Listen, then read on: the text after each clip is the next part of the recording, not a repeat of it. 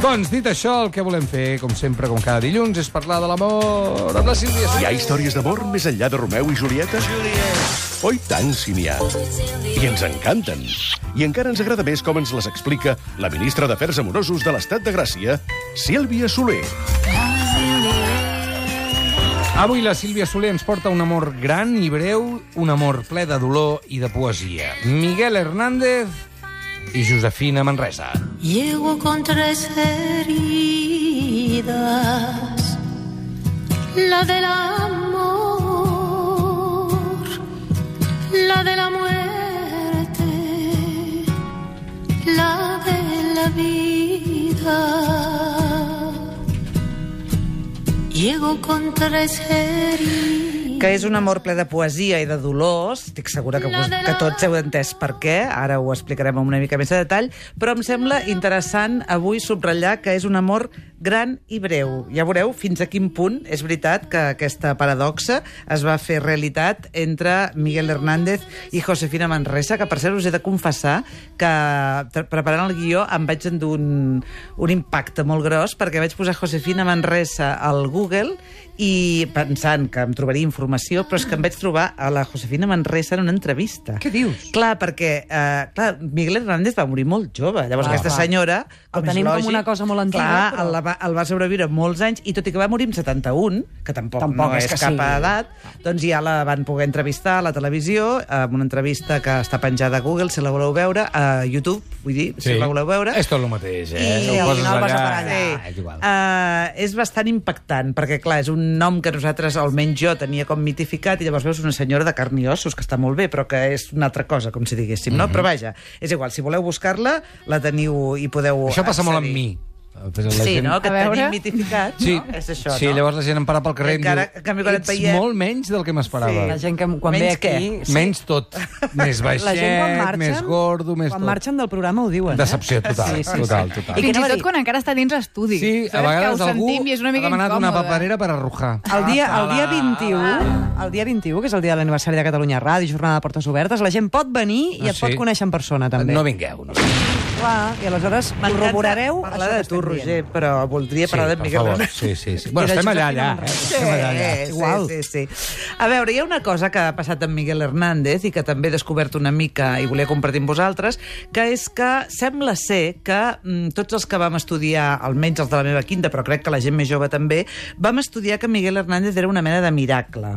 Sí? Aquesta és la idea que molta gent Jo no tenia. recordo Jo massa. no recordo haver-lo estudiat. Sí, jo sí, però no recordo gaire el que em van explicar. Aviam. Un miracle en el sentit que eh, era el cabrero, no? Miguel Hernández, Ah, sí, el sí, cabrero. sí, és a sí, dir, un noi de família molt humil que Sí. feia de pastor de cabres i que escrivia gràcies al seu do natural eh, sense cap més eh, procés, diguéssim. No? I Això clar, també em passa a mi. realment que semblava un miracle. Sembla que aquest va ser el retrat que es va voler fabricar, un retrat ple de tòpics de, del noi ignorant que, malgrat tot, escriu una poesia fantàstica, i sembla que aquest retrat el va fabricar el mateix règim franquista que va permetre que Miguel Hernández morís en una presó eh, sent molt jove, una mica com per reconstruir aquesta figura i de passada netejar la seva imatge, diguéssim, no? Ja. La imatge del règim.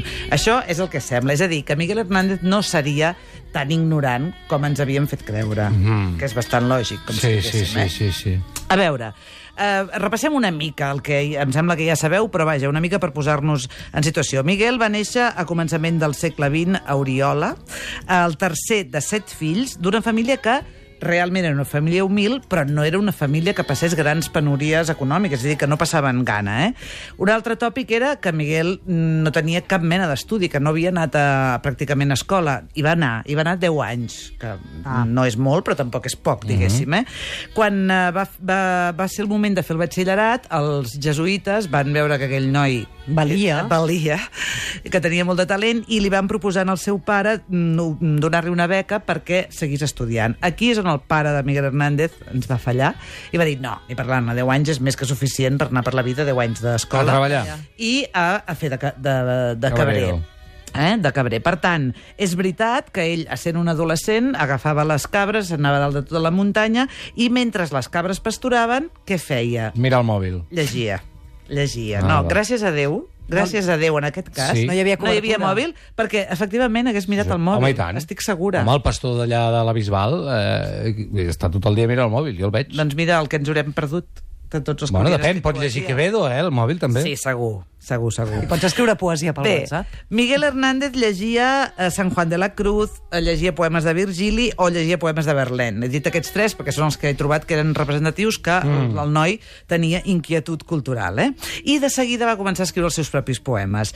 Amb els primers estalvis que va fer de, del, del, del Sí. poc que devia guanyar pastoral les cabres, es va comprar una màquina d'escriure. I m'ha fet molta gràcia saber que se l'enduia a dalt de la muntanya. Ah, sí, molt bé. La màquina d'escriure i un paquet de folis. M'ha fet gràcia perquè devia pesar molt una màquina d'escriure. Sí, la màquina- i tant, i No tant. devia ser així... I on la poses? Devia posar una cadireta o alguna cosa, perquè les pedres... No, home, Perquè les La cabres... terra es fa incòmode. Gespa. Posar-li la, la cosa màquina d'escriure. Llavors estàs molt corbat, eh? La cosa bona és que no s'ha d'endollar.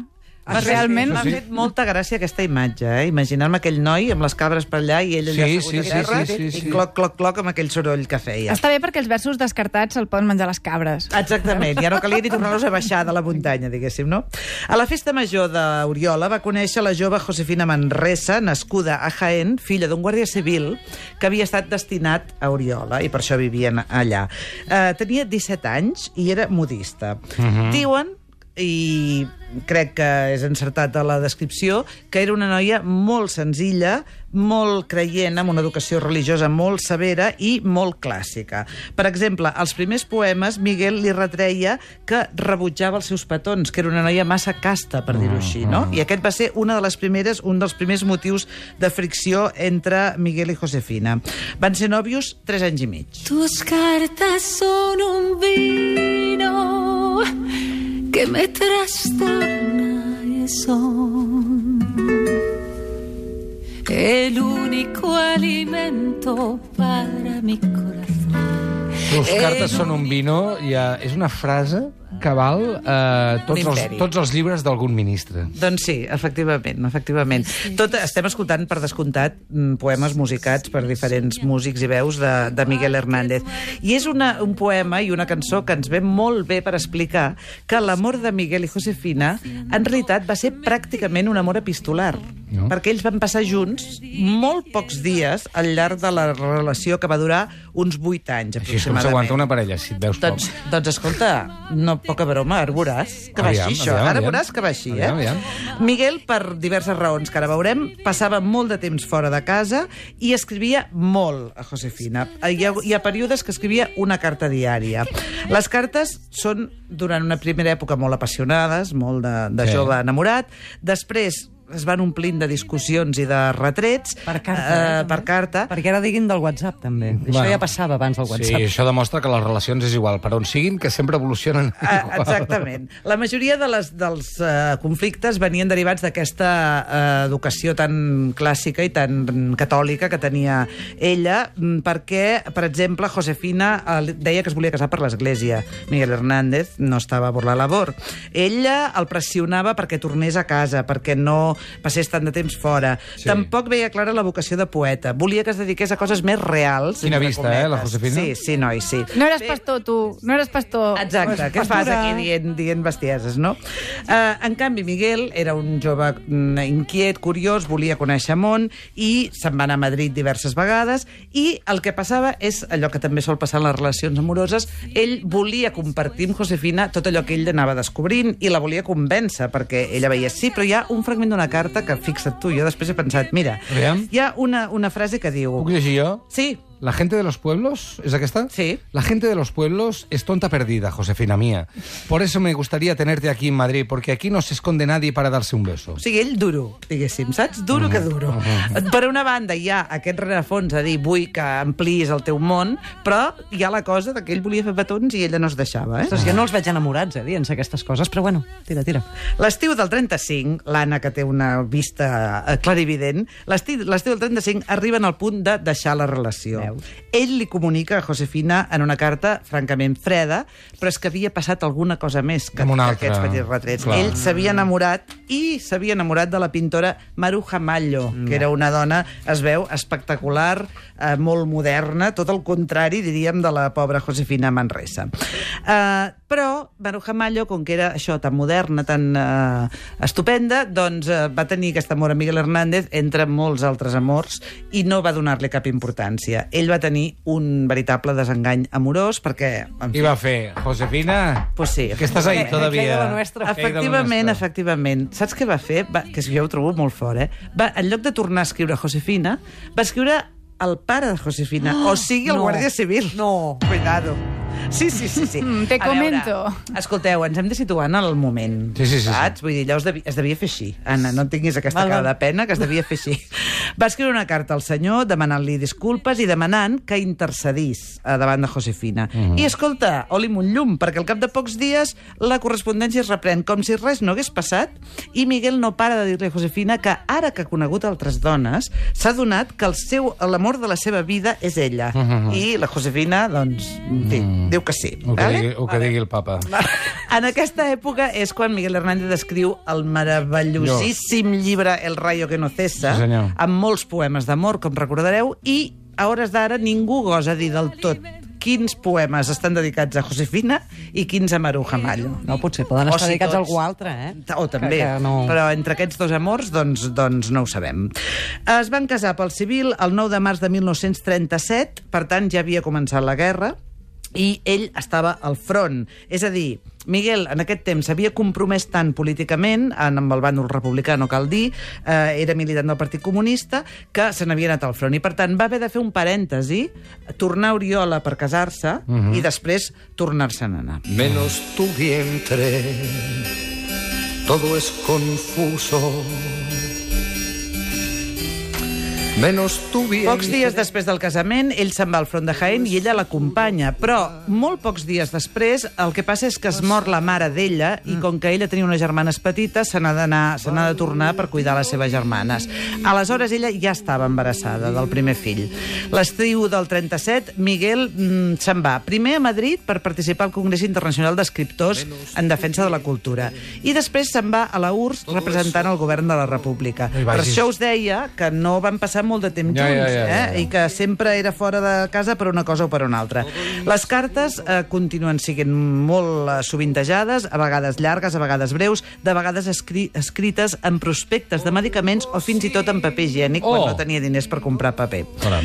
Al desembre del 37 neix el seu primer fill, Manuel, que mor pocs mesos després. Vai. I al gener del 39, el segon fill, Manuel Miguel. Es veu que els agradava el nom Sí, i sí, van sí, repetir. insistir. Eh? Quan s'acaba la guerra, Miguel fuig a Portugal perquè van maldades per descomptat, però la policia el deté eh, tot just traspassada la frontera. Per tant, el matrimoni havia passat junts, en realitat, unes poquetes setmanes i només quan ell tornava de permís. Quan, el, quan eh, Miguel entra a la presó, no sap que ja no en sortirà i que realment els dies de convivència s'han acabat. Va passar per les presons de Madrid, Palència, Toledo i finalment Alacant. Josefina quan veu que ell es queda a la presó d'Alacant, s'instal·la en aquesta ciutat, se'n va viure a casa d'una germana d'ell, de, de Miguel, i ho fa per estar més a prop i per poder portar-li el nen. Quan visitava Miguel a la presó, el veia cada vegada més delicat, ell tenia tuberculosi, el pas per totes aquestes presons per descomptat no hi va ajudar i cada vegada el veia pitjor. No li explicava les penúries que estava passant per alimentar aquell nen, però sembla que Miguel se'n feia una idea si hem de jutjar pel meravellós poema que va escriure Les nanes de la cebolla. La cebolla es escarcha, cerrada y pobre. L'any 40 va ser jutjat per un Consell de Guerra i condemnat a mort. Aleshores, diversos intel·lectuals, eh, més aviat de dretes, van fer gestions amb el caudillo demanant-li que eh, commutin la pena de mort per una condemna. Sembla ser que la fórmula que feien servir és no nos podemos permitir otro Lorca, saps? Eh, ho aconsegueixen, li, li commuten la pena per una condemna de 30 anys, però tot això va arribar molt tard perquè ell estava molt malalt, la tuberculosi havia empitjorat i eh, quan es va veure morir va demanar que Josefina l'anés a veure i el director de la presó, que era una persona molt humanitària, li va dir que això no podia ser perquè no estaven casats per l'Església. Fill de... Uh, Miguel Hernández es resistia a casar-se per l'Església, però li va començar a demanar a tothom, la seva pròpia dona, alguns amics, com per exemple el mateix Alberti, li pressionaven perquè acceptés i al final va accedir a fer-ho. Es van casar el 4 de març de 1942, ell al llit de la, a la llitera, vaja, de la, de la presó, va morir 24 dies després i les seves últimes paraules van ser... Les vols dir tu, Roger? Ay, Josefina, qué desgraciada eres. Para la libertad. Però no en plan desgraciada de mala persona. No, no, no. Que mala Que suerte. pobreta. Que ho he que dit mala- i m'ha sonat allò. Pobreta. Però Ai, què? Una desgraciada. Ho havíem entès, home. Cretina. Que malament no. he fet passar, no? Jo crec Sí. que són unes paraules com de penediment o de demanar-li disculpes. Josefina va dedicar tota la seva vida a protegir el llegat de Miguel Hernández, tot i que em fa gràcia perquè en aquella entrevista deia pocos objetos se pueden guardar de Miguel, pues no tenia nada, clar. Mm, Clar, tants anys a la presó, amunt i avall. Però vaja, els pocs que tenia els amagava a casa. Diuen que va haver-hi una època que el llegat del poeta va, eh, va arribar a estar amagat a dins d'un sac i enterrat al pati de la casa. Carai. És a dir, que fins que no va arribar la democràcia, tant la viuda com el fill patien registres constants buscant no sé què coi devien buscar de Miguel Hernández. Només ens van quedar els seus poemes, que és moltíssim, clar. I la pena per tot el que hagués pogut arribar a escriure. I tant, i tant. Moltíssimes gràcies, Sílvia, com sempre, una Vinga, història brutal. Avui la història de Miguel Hernández i Josefina Manresa. Ara tornem.